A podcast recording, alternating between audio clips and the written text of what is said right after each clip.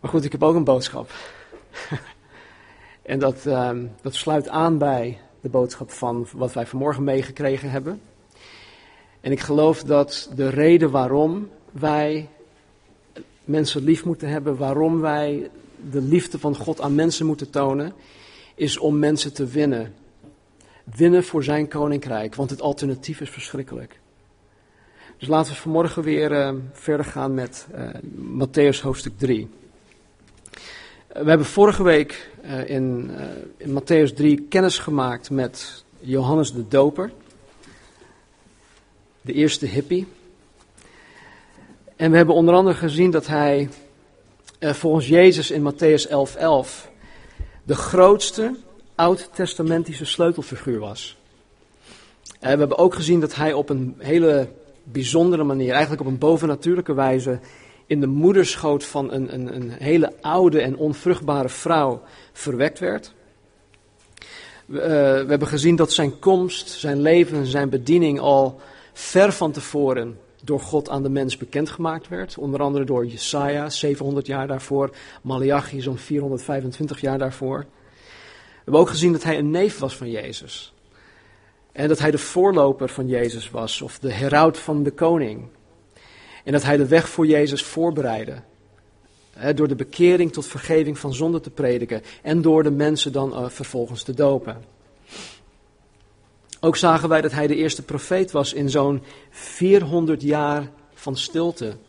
400 jaar waarin God dus niet tot Israël had gesproken. En laten we een stukje uit Johannes 3 lezen. Uh, ik, ga even terug naar vers 1. In die dagen trad Johannes de Doper op en hij predikte in de woestijn van Judea. En zei: Bekeer u, want het koninkrijk der hemelen is nabijgekomen. Want deze is het, over wie gesproken werd door de profeet Jesaja toen hij zei: De stem van een die roept in de woestijn, maakt de weg van de Heer gereed, maakt zijn paden recht. Deze Johannes, Johannes de Doper, had kleding van kameelhaar en had een leren gordel om zijn middel. Zijn voedsel was sprinkhanen en wilde honing. Toen liep Jeruzalem, heel Judea en heel het land rondom de Jordaan naar hem uit. En ze werden door hem gedoopt in de Jordaan, terwijl zij hun zonde beleden. Toen hij vele van de fariseeën en sadduceeën op zijn doop zag afkomen, zei hij tegen hen, adderen gebroed, wie heeft u laten weten dat u moet vluchten voor de komende toorn? Breng dan vruchten voort in overeenstemming met de bekering. En denk niet dat u bij uzelf kunt zeggen: Wij hebben Abraham als vader. Want ik zeg u dat God zelfs uit deze stenen voor Abraham kinderen kan verwekken. De bijl ligt zelfs al aan de wortel van de bomen. Elke boom dan die geen goede vrucht voortbrengt, wordt omgehakt en in het vuur geworpen. Ik doop u wel met, met, water tot bekering, maar hij die na mij komt, is sterker dan ik. Ik ben het niet waard om hem zijn sandalen na te dragen. Hij zal u dopen met de Heilige Geest en met vuur. Zijn wan is in zijn hand en hij zal zijn dorsvloer grondig reinigen. En tarwe in de schuur verzamelen en hij zal het kaf met onuitblusbaar vuur verbranden. Nou, we hebben de eerste zes versen, 1 tot met 6, uh, vorige week behandeld. Als je dat niet, um, of als je dat gemist hebt, dan uh, staat het op het internet. Die kan je alsnog beluisteren. En vanmorgen pakken wij het op in vers 7.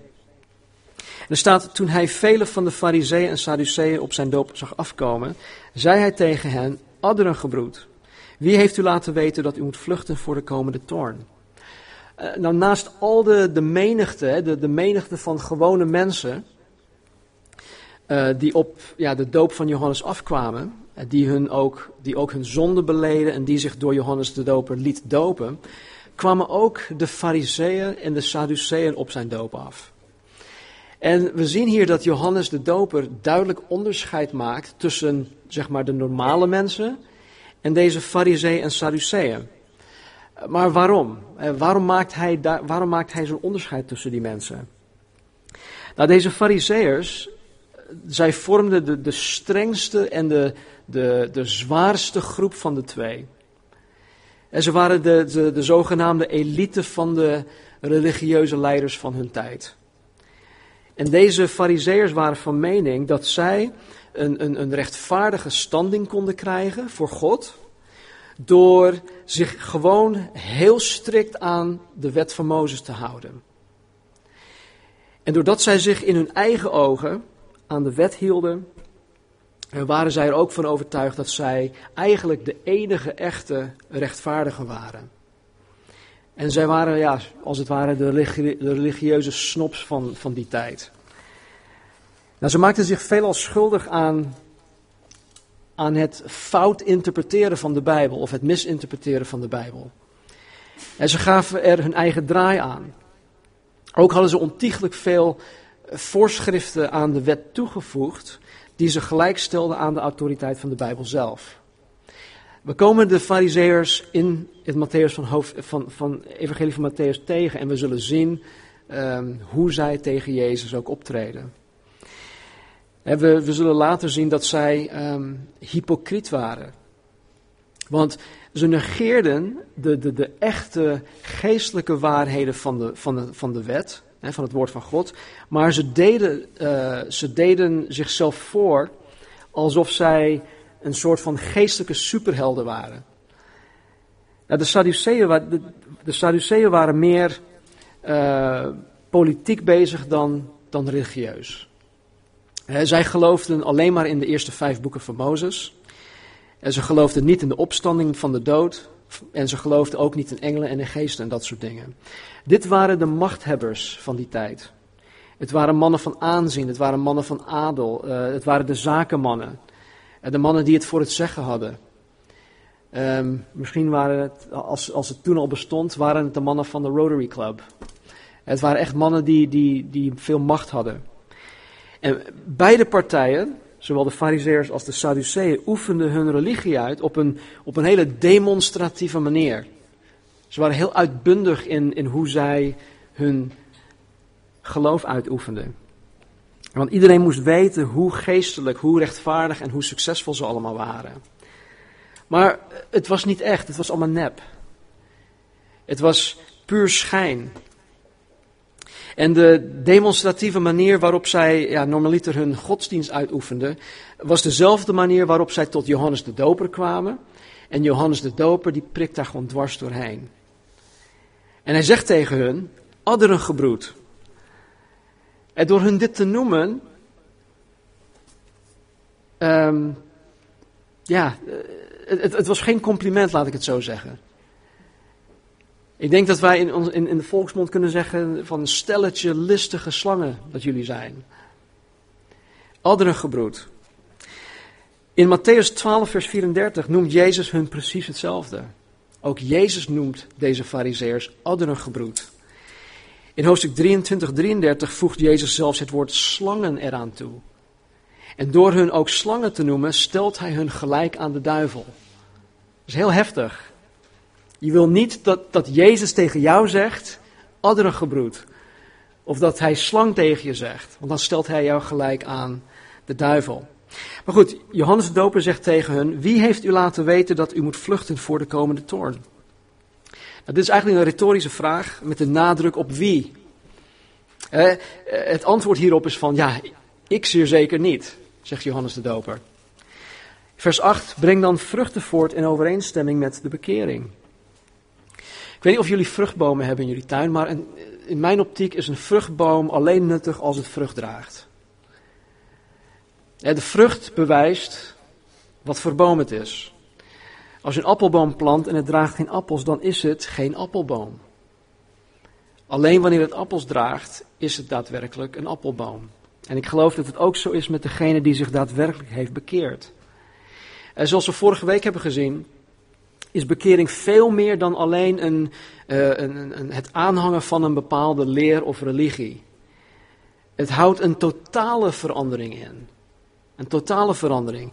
En het is altijd zichtbaar in iemands leven. Bekering is altijd zichtbaar in, een, in iemands levenswandel, in, in zijn of haar doen en laten, in zijn of haar woorden en werken.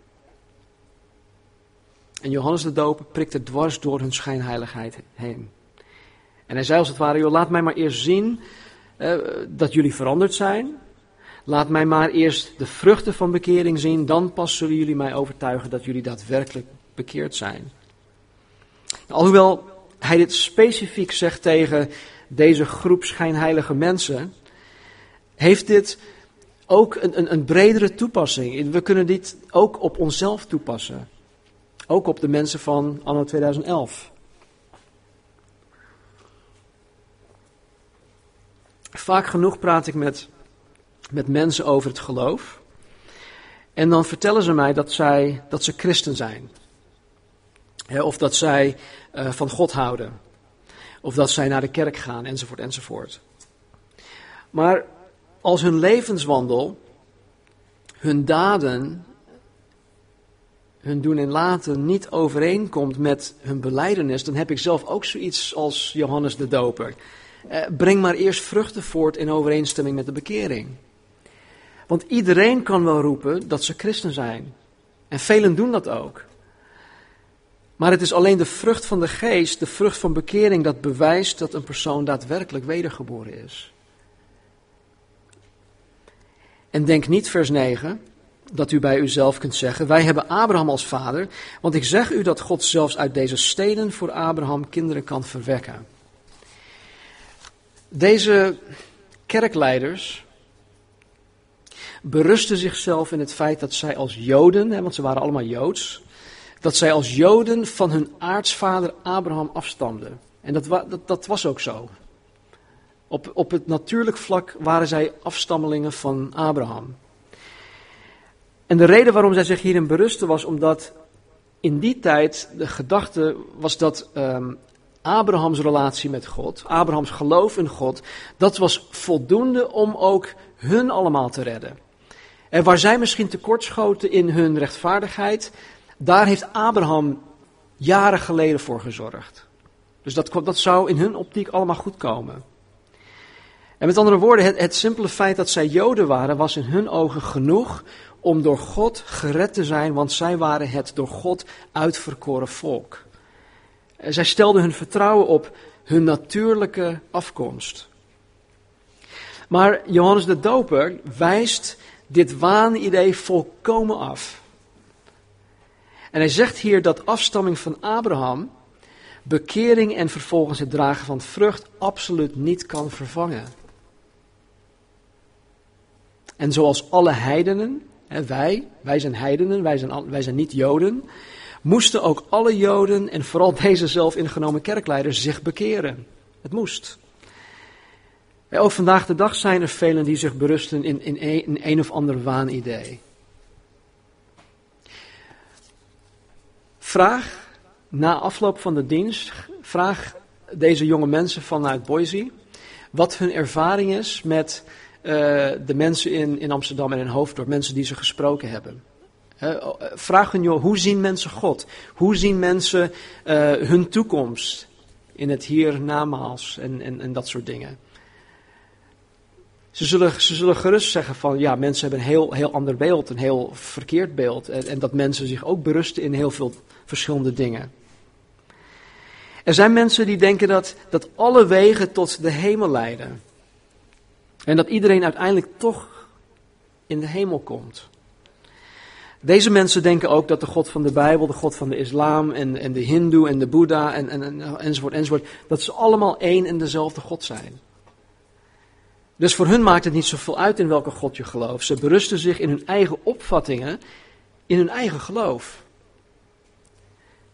Anderen denken dat omdat zij van zichzelf geloven, dat zij ja, op zich goede mensen zijn, eh, dat zij niet willen geloven dat, dat een God van liefde hun naar de hel zal sturen. Kom ik ook tegen. En deze mensen berusten zich in een waan van hun eigen goedheid. Terwijl de Bijbel ons heel iets anders leert over de ware aard en de hartsgesteldheid van de mens. Anderen denken dat omdat zij ooit in het verleden een keer misschien een zondaarsgebed hadden gebeden, dat zij gered zijn.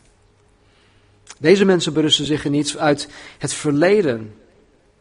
dat misschien, ja, ik kan het niet met 100% zekerheid zeggen, maar misschien was het een emotionele opwelling. Dat ze naar voren zijn gegaan in een dienst, dat ze zeiden van nou, ik heb het, het, het, zondaarsgebed gebeden en ja, uh, ik ben nu gered. Ik had vorige week een gesprek met een, uh, een, een, oude, een ouder echtpaar. Mensen die al in, uh, in hun, hun 80, uh, 80 jaren zijn. Mensen die zo'n 35 jaar geleden tot geloof zijn gekomen. En de vrouw van deze man, die sprak, die, die, die sprak, uh, die sprak ik.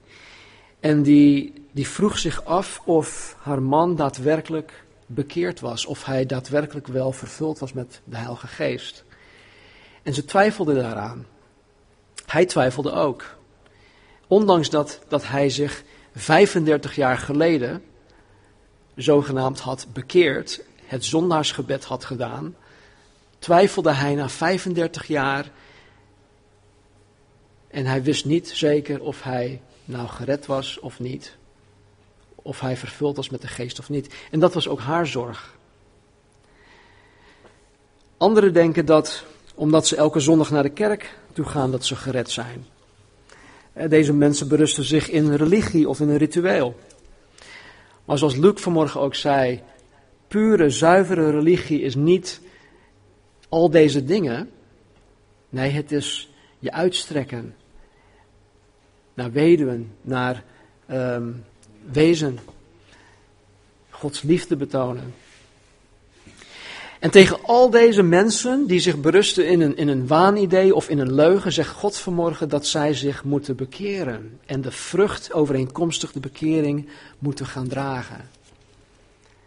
Want alleen door daadwerkelijke bekering en alleen door het dragen van de vrucht van de geest, de vrucht van bekering, kan men zeker zijn, 100% zeker zijn, dat hij of zij deel uitmaakt van het koninkrijk der hemelen. Geen vrucht betekent geen bewijs van bekering. Geen vrucht betekent geen garantie op de redding. Geen vrucht betekent geen toegang tot Gods koninkrijk. Weet je, te veel mensen zijn te nonchalant hierover.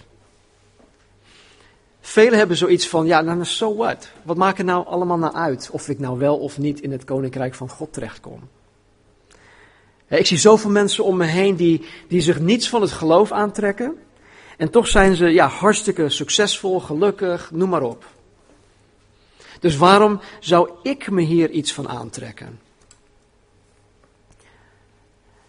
Mensen moeten zich hier iets van aantrekken, omdat het alternatief verschrikkelijk is. De liefde die wij mogen brengen en mogen delen met mensen is om mensen te weerhouden van het alternatief. In vers 7 sprak Johannes de Doper over de komende toorn. Deze toorn waarover Johannes de Doper spreekt is de toorn van God. De God van liefde, de God, de rechtvaardige, de, de enige echte. Het is een rechtvaardige toorn, het is juist, het is een terechte toorn en het is ook een welverdiende toorn. Deze toorn van God wordt door de meesten genegeerd. Omdat het niet onmiddellijk gebeurt. maar dat, omdat het, het komt, het is toekomstig en mensen geloven er niet in. Maar ondanks dat het niet onmiddellijk komt, staat het vast dat het eraan zit te komen. Stel je voor, Noach, duizenden jaren geleden met de zondvloed. Hij was een van acht mensen die gered werden. Hij had jarenlang, hij had volgens mij 100 jaar de tijd om die ark te bouwen. En in 100 jaar tijd wist, staat in de Bijbel dat hij ook het, en het evangelie, dat hij ook bekering had gepredikt tot de mensen. En hij had verteld, er komt, hè, de zondvloed komt eraan. Mensen dachten van, regen, wat is dat nou weer? Er was nog geen regen gekomen in die tijd. Dus niemand geloofde daarin. Maar toch kwam het. En zo is het nu ook. Eh, het staat vast. Wij hebben die boodschap. Johannes de Doper 2000 jaar geleden bracht die boodschap. Maar mensen negeren het omdat het niet onmiddellijk komt. De toorn van God is verschrikkelijk, het is afschuwelijk, het is vreselijk, het is gruwelijk, het is ondraaglijk. het is niet in woorden te omschrijven. En geen enkel persoon kan zich staande houden tegen deze toorn van God. De enige manier om het te overleven, De enige manier om de toorn van God te overleven is om het te ontvluchten. In vers 7 zegt Johannes de Doper dat zij moeten vluchten voor de komende toorn. Nou, vluchten betekent dat je onmiddellijk moet handelen. Vluchten betekent dat je heel snel moet handelen. Het betekent ook dat je recht op je doel afgaat zonder enige afleiding. Je gaat op de vlucht. 11 maart, grote aardbeving in Japan. Vervolgens tsunami. Ik denk dat de meesten van ons wel videobeelden hebben gezien van deze gigantische, ja, verwoestende tsunami. En je, moet je voorstellen dat wanneer je zo'n gigantische vol, uh, um, golf, huizenhoog, met huizen op je af ziet komen, uh, dat je onmiddellijk in actie komt. Een van de filmpjes die ik, die ik had gezien, zag je dat. Je zag vanuit, vanaf de heuvel, werd gefilmd. En dan zag je een golf met huizen, met boten, met auto's, vrachtwagens, containers. Allemaal op mensen beneden afkomen. En die mensen die, die, die renden de heuvel op. Deze mensen gingen niet eerst in discussie over wat zij moesten doen. Ze hielden er geen spoeddebat over. Nee, je komt zonder erover na te denken onmiddellijk in actie en je vlucht zo snel mogelijk en zonder enige afleiding naar de veiligheid toe. En hetzelfde geldt voor het vluchten voor de komende toorn van God. Vers 10. De bij ligt zelfs al aan de wortel van de bomen. Elke boom dan die geen goede vrucht voortbrengt, wordt omgehakt en in het vuur geworpen. Het, het, het geheel omhakken van deze bomen tot aan de wortels aan toe. En het vuur. Deze spreken over het grote oordeel dat God zal brengen over alle goddelozen. God die, die 100% rechtvaardig is, is ook gerechtvaardigd in het oordelen van mensen die hem verwerpen. En degenen die God verwerpen worden hier met bomen vergeleken die geen goede vrucht voortbrengen. Met andere woorden, dit zijn mensen die geen vrucht van de Heilige Geest, die geen vrucht van de bekering voortbrengen. De bijl die aan de wortel van de boom ligt, hè, wat hier staat, en de, de tegenwoordige tijdsvorm van het werkwoord, licht of liggen, benadrukken dat dit oordeel voor de deur staat. Het staat voor de deur. Vers 11, Johannes zegt, ik doop u wel met water tot bekering, maar hij die na mij komt is sterker dan ik. Ik ben het niet waard hem zijn sandalen na te dragen. Hij zal u dopen met de Heilige Geest en met vuur. Nou, hier zien wij het hart, het hart van Johannes de Doper, zijn hartsgesteldheid. Hier zien wij dat Johannes de Doper deze boodschap niet vanuit een soort van positie van arrogantie verkondigt. Hij pretendeert niet beter of meer heilig of meer waardig te zijn dan de mensen die hij hier toespreekt of die hij hier doopt. Johannes de Doper zegt van Jezus dat Jezus sterker is of krachtiger is dan, dan hij en dat hij het niet waard is om de sandalen van Jezus te dragen. Nou, dit is voor ons misschien een hele vreemde uitspraak, want ja, dat gebruiken wij niet. Maar voor de Joden van die tijd sprak het boekdelen. Het losmaken en het dragen van iemands sandalen was in hun ogen een gigantische vernedering. Een hele grote vernedering. Deze taak was alleen bestemd voor de allerminste heidense dienstknechten. En stel, ik ben een Jood, ik heb een Joods gezin, ik heb, ik heb Joodse dienstknechten en heidense dienstknechten in huis. De taak om mijn schoenen los te maken en, en ergens op te bergen, dat was de taak van een van mijn heidense slaven. Niet van een Joodse slaaf. Want daar was het veel te vernederend, vernederend voor. Dus wat Johannes de Doper hier zegt, is dat in zijn verhouding tot Jezus hij zichzelf zag als iemand die zelfs minder was dan de minste van alle heidense slaven. Hij doopte mensen in de rivier door middel van onderdompeling tot bekering. Hij bereidde de mensen voor op de komst van, van Jezus. Maar hij zegt, Jezus die na mij komt zal dopen met de Heilige Geest en met vuur. Het Grieks woord voor dopen is baptizo en het betekent onderdompelen. Het betekent onderdompelen. En het idee is dat iets geheel overspoeld wordt. En vandaar dat Johannes de Doper mensen ook van top tot teen um, onder water hield bij het dopen van deze mensen. En hetzelfde geldt voor het dopen met de Heilige Geest. Jezus zei in Handelingen 1:8, wanneer de Heilige Geest over hun komen zou. En met andere woorden, wanneer zij overspoeld zouden worden met de Heilige Geest. Hij sprak hier over de doop met de Heilige Geest.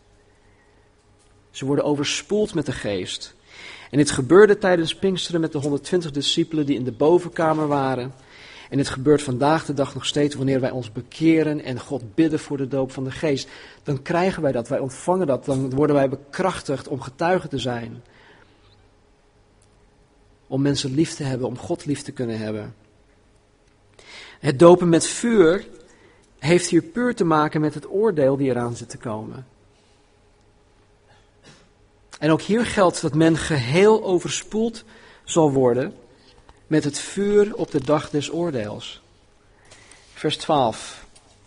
Zijn wan is in zijn hand en hij zal zijn dorsvloer grondig reinigen, zijn tarwe in de schuur verzamelen en hij zal het kaf met onuitblusbaar vuur verbranden. Hier gebruikt Johannes de Doper een, een praktijkvoorbeeld van iemand die graan dorste. In die tijd namen ze, graan. Hè. We zien het hier ook in de velden. We zien um, tarwe volgens mij. Maar in die dagen namen zij het graan. Ze legden het op een vlak gedeelte. Meestal bovenop een heuvel waar, waar, het, waar de wind uh, waaide. En ze sloegen het graan uit de aren. Wat dan op die hoop overbleef, uh, was graankorrels gemengd met, met kaf, met stro enzovoort enzovoort. En om vervolgens de graankorrels te kunnen scheiden van het kaf, en van, de, van het stro namen zij een, een, een wan, en dat was een soort van schop of misschien een, uh, een, een hooivork. Uh, ze pakten zo'n zo hele hoop op, gooiden het de lucht in. Het graan dat viel weer terug naar beneden op, op de grond of op de dorsvloer. En de wind blies dan het, kaf en de stro allemaal weg. En Johannes de Doper zegt hier van Jezus dat hij zijn dorsvloer grondig zal reinigen door zijn tarwe te scheiden van het kaf.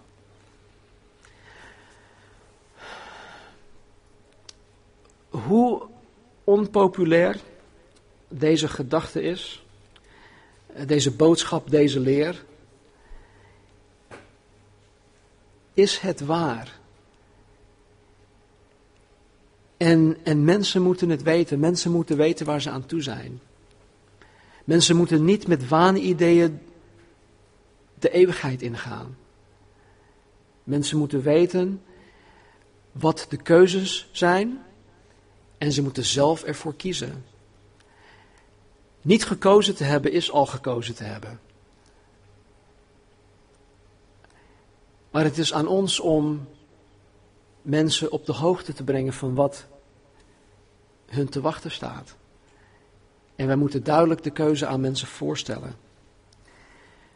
En nogmaals, het kaf is hier te vergelijken met de onvruchtbare bomen van vers 10. Die Johannes de Doper als voorbeeld gebruikt als mensen die zich niet bekeren. Het kaf en, en de stro, dat is, ook, dat is ook vergelijkbaar aan de mensen die zich niet bekeren. En hij zegt dit om aan te geven dat tenzij iemand zich bekeert, hij of zij niet alleen niet het koninkrijk der hemelen in zal gaan, maar dat zij voor eeuwig de toorn van God op zich zullen blijven houden. Maar er is ook goed nieuws. Jezus zal ook zijn tarwe, degene die zich wel bekeren, in zijn schuur verzamelen. Weet je, wij hebben de belofte van God, de belofte van de enige echte God, de schepper van hemel en aarde, die wij vanmorgen bezongen hebben. Dat wanneer wij ons bekeren, wij niet alleen in de negatieve zin Gods toorn ontvluchten, maar in een hele positieve zin dat wij leven in overvloed zullen hebben. Jezus is gekomen om ons leven te geven en overvloed. Hij is niet gekomen om ons te veroordelen. Hoe je het ook went of keert, het, het wedergeboren leven, eh, waardoor wij toegang krijgen tot, tot ja, Gods bovennatuurlijke voorzieningen, is, is veel meer waard dan wat de wereld ons ook maar te bieden heeft. Het is niet met geld te kopen. Bill Gates kan zijn redding niet met al zijn miljarden kopen. Steve Jobs kan zijn redding niet met al zijn miljarden kopen.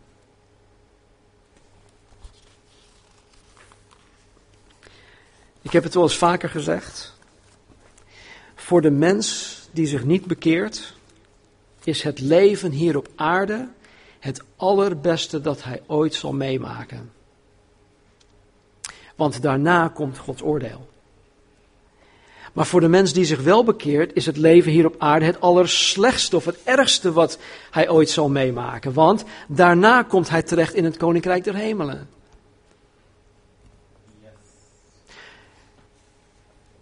Mensen denken vaak dat God mensen naar de hel stuurt. Maar dat is verre van waar. God stuurt geen enkel mens naar de hel. Je moet letterlijk over Jezus Christus heen stappen om daar te belanden. Maar God stuurt je daar niet naartoe. Tegelijkertijd stuurt God geen enkel mens naar de hemel. Er zal niemand in de hemel zijn die daar niet wil zijn. Die zegt van, oh man, ik baal dat ik hier ben. Nee, God stuurt niemand naar de hemel. En ieder heeft hierin zijn of haar eigen vrije wil en keus. Dus de keus is aan ons. Wij mogen zelf kiezen. Wij mogen zelf kiezen. Volgende week gaan we verder met de doop van Jezus en dan zien wij hoe ver Jezus ook gaat om zichzelf te identificeren met ons. Vergeet niet, deze doop was voor zondaars tot bekering en vergeving van zonde. Maar Jezus was 100% zondeloos en toch laat hij zichzelf dopen. Er zit heel veel goed nieuws in de doop van Jezus. Maar daar komen we volgende week op terug. Laten we bidden. Vader, ik dank u dat u zo duidelijk bent in, in uw woord. Heren, dat u ons ook een duidelijke keus wil geven.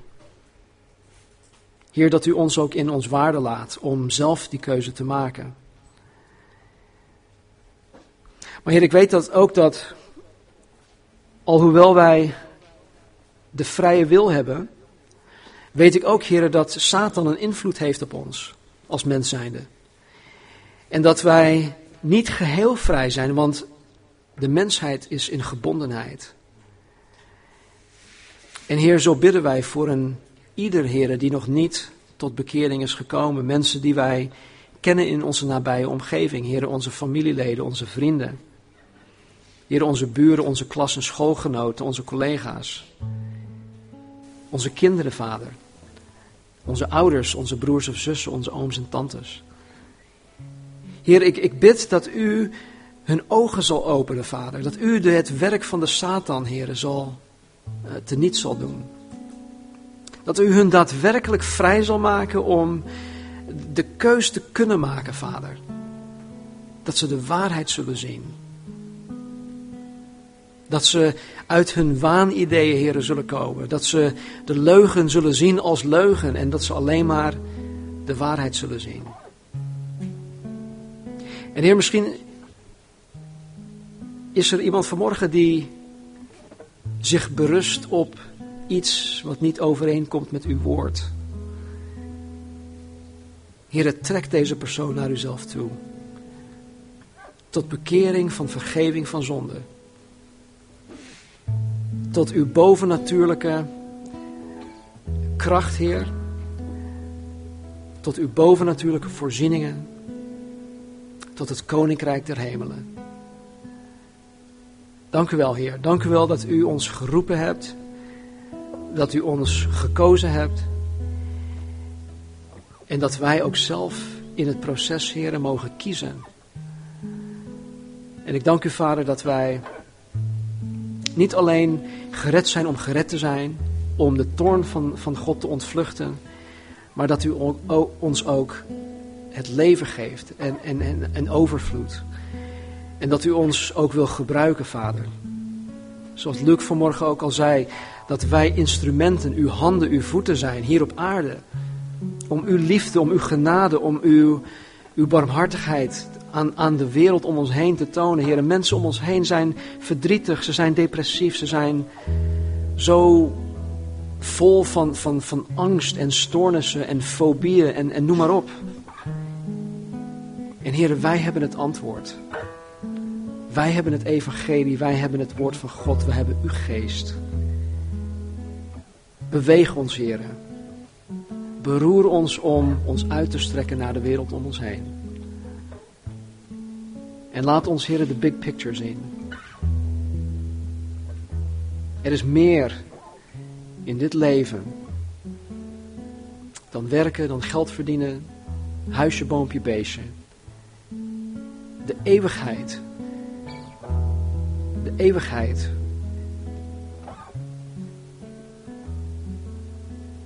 De eeuwigheid en het eeuwige lot van velen om ons heen, heren. Dat staat op het spel. Help ons om dat te beseffen. En dank u, Heer, dat u ons gered hebt. Dank u wel. Heer, we loven en prijzen u. In Jezus' naam. Amen. Laten we gaan staan.